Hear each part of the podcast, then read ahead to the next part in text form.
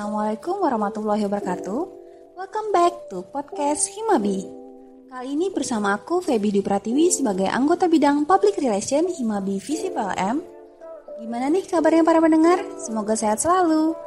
Oke, sekarang aku nggak sendiri karena ditemenin sama kakak-kakak dari Himiaspa, Himpunan Mahasiswa Ilmu Ekonomi dan Studi Pembangunan, Fakultas Ekonomi dan Bisnis Universitas Lambung Mangkurat, ada Kak Alfi dan Kak Reza. Halo kakak-kakak, mungkin bisa kenalin dirinya nih supaya teman-teman para pendengar kenal juga. Uh, Oke, okay, uh, eh, perkenalkan nama saya Alfianur. Saya uh, di sini sebagai Wakil Ketua Umum Hemespa tahun 2020. Ya, perkenalkan, di sini nama aku Muhammad Reja sebagai penasihat internal di Hemespa. Ya, gimana nih kabarnya untuk Kak Reza dan Kak Alfi, selama pandemi ini sekarang kesibukannya lagi ngapain aja? Kesibukan sih uh, karena belum kuliah juga kan. Uh, mungkin di sini kalau di, dari segi HMSPA-nya kami sedang menyiapkan kegiatan, ada kegiatan nasional yang mau dijalankan, ada kegiatan apa untuk kesibukan sehari-hari lebih kepada hobi. Mungkin itu aja. Oh ini Silahkan Kak Reza. Nah, kalau aku sibuk-sibuk gak jelas, kadang nganggur, kadang enggak. Paling kan cuma rapat-rapat online gitu.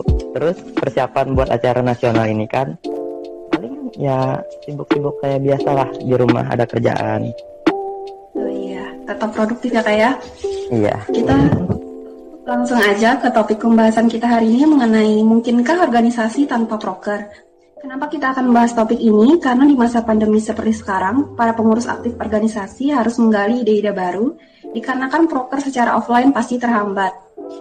Untuk Kak Alvin mungkin apa saja sih proker yang dijalankan di MESPA? Untuk program kerja MESPA yang bisa dijalankan mungkin ada beberapa sih uh, lebih kepada program kerja yang emang dapat uh, kita kerjakan secara online Nah, mungkin di sini karena pandemi ini juga kita lebih dituntut untuk adaptasi sih penyesuaian. Uh, mungkin program kerja kami lebih banyak yang secara online. Uh, mungkin contohnya tadi untuk uh, yang kami akan jalankan seminar nasional itu kami coba jalankan untuk pertama kalinya itu secara online. Benar fresh ya untuk seminar nasional ini. Nah, untuk Kak Reza nih, pentingnya proker bagi keberlangsungan organisasi itu apa ya menurut pendapat Kak Reza? Ya, proker pasti sangat penting lah bagi organisasi. Karena kalau nggak ada proker, organisasi organisasi itu mau apa gitu loh. Masa cuman sebatas nama? Kan kalau ada organisasi pasti ada sesuatu yang dijalankan. Nah, dari sesuatu yang dijalankan itu akan timbul output sama inputnya pertama kayak kekeluargaannya dapat link untuk orang-orang luar bagaimana cara kita berinteraksi sama orang luar. Banyak hal-hal yang bisa kita dapat dari organisasi itu gitu loh. Jadi broker itu pasti sangat penting lah. Tergantung kinerja orangnya. Penilaian setiap broker itu beda-beda. Ini tuh. Ya mungkin untuk pendapat dari Kak Alfi bagaimana Kak? Ya untuk program kerja ya kalau sebuah organisasi tanpa sebuah program. Kayak uh, dianalogikan kayak botol tapi kosong. Jadi uh, ada isi yang dapat dikeluarkan. Kalau yang terpenting sih sebenarnya daripada organisasi ini kita lebih kepada nilai esensialnya. Uh, bukan hanya cuma sekedar uh, nama doang gitu ini aku uh, pengurus di Hemespa gitu anggapannya lo tapi nggak pernah menjalankan program kerjanya. Itu sama aja kayak eh, nggak uh, dapat gitu sebagai pengurus cuma ikut nama aja. Mungkin itu. Ya berarti bagi Kak Alfi dan Kak Reza proker untuk sebuah organisasi itu sangat penting ya tergantung input dan output juga dari seorang individu untuk melaksanakan proker tersebut.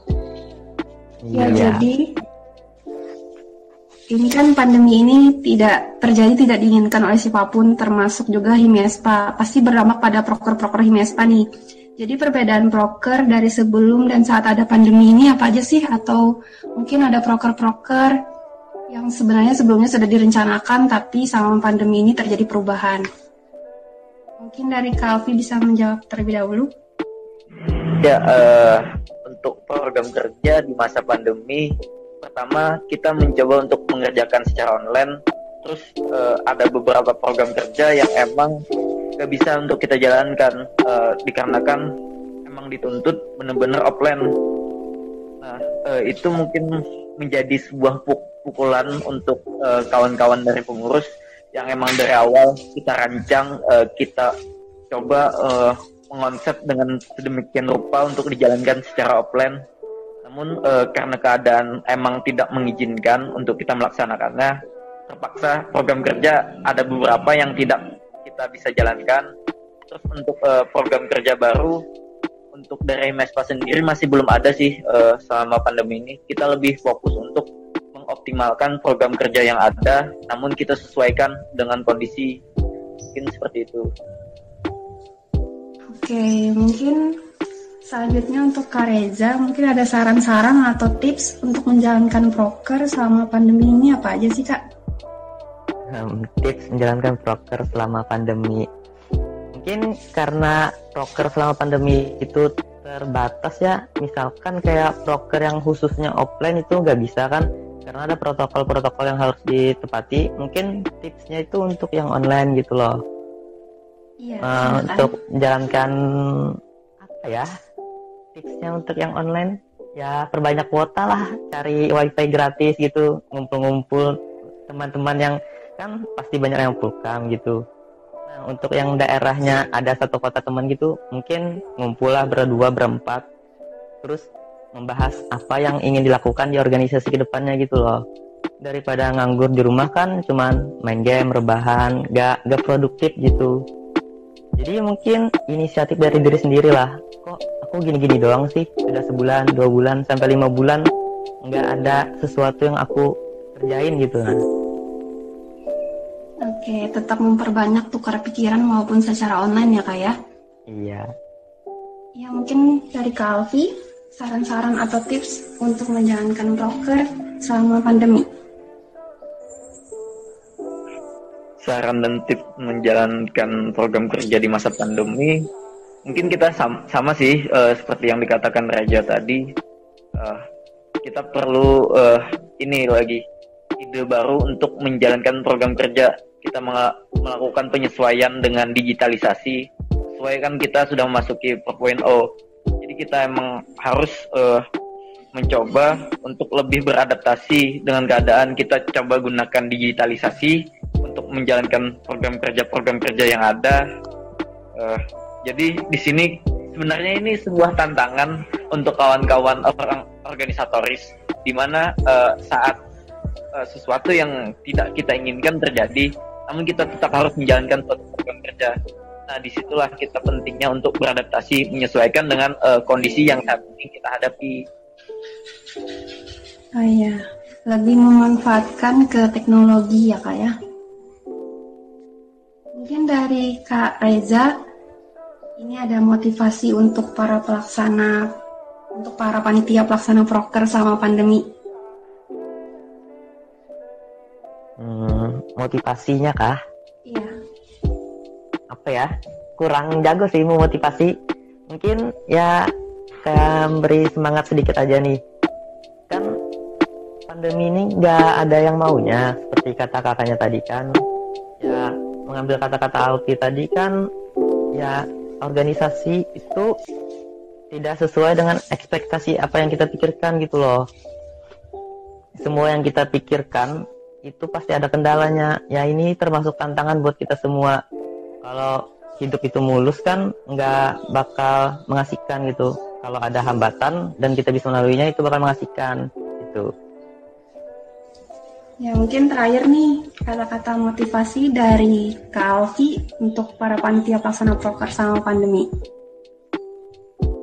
Ya, uh, untuk memotivasi, uh, mungkin lebih untuk meyakinkan kawan-kawan untuk lebih uh, semangat deh membuat menjalankan organisasi. Yang pertama, um, harus ingat kembali tentang komitmennya di awal. Uh, kenapa sih dia ingin masuk ke organisasi? Apa dia organisasi itu harus uh, benar-benar dia ingat dan dia pegang. Terus uh, ada tanggung jawab. Nah, gimana ketika seorang pengurus atau seorang panitia uh, menjadi menjadikan dirinya sebagai seseorang di dalam suatu badan, maka di situ ada tanggung jawab harus dijalankan. Terus ada lagi rasa peduli terhadap teman. Nah, di mana ini suatu hal yang penting uh, ketika seseorang tidak mengerjakan sesuatu di dalam organisasi itu, maka mau tak mau temannya lah yang harus mengerjakannya.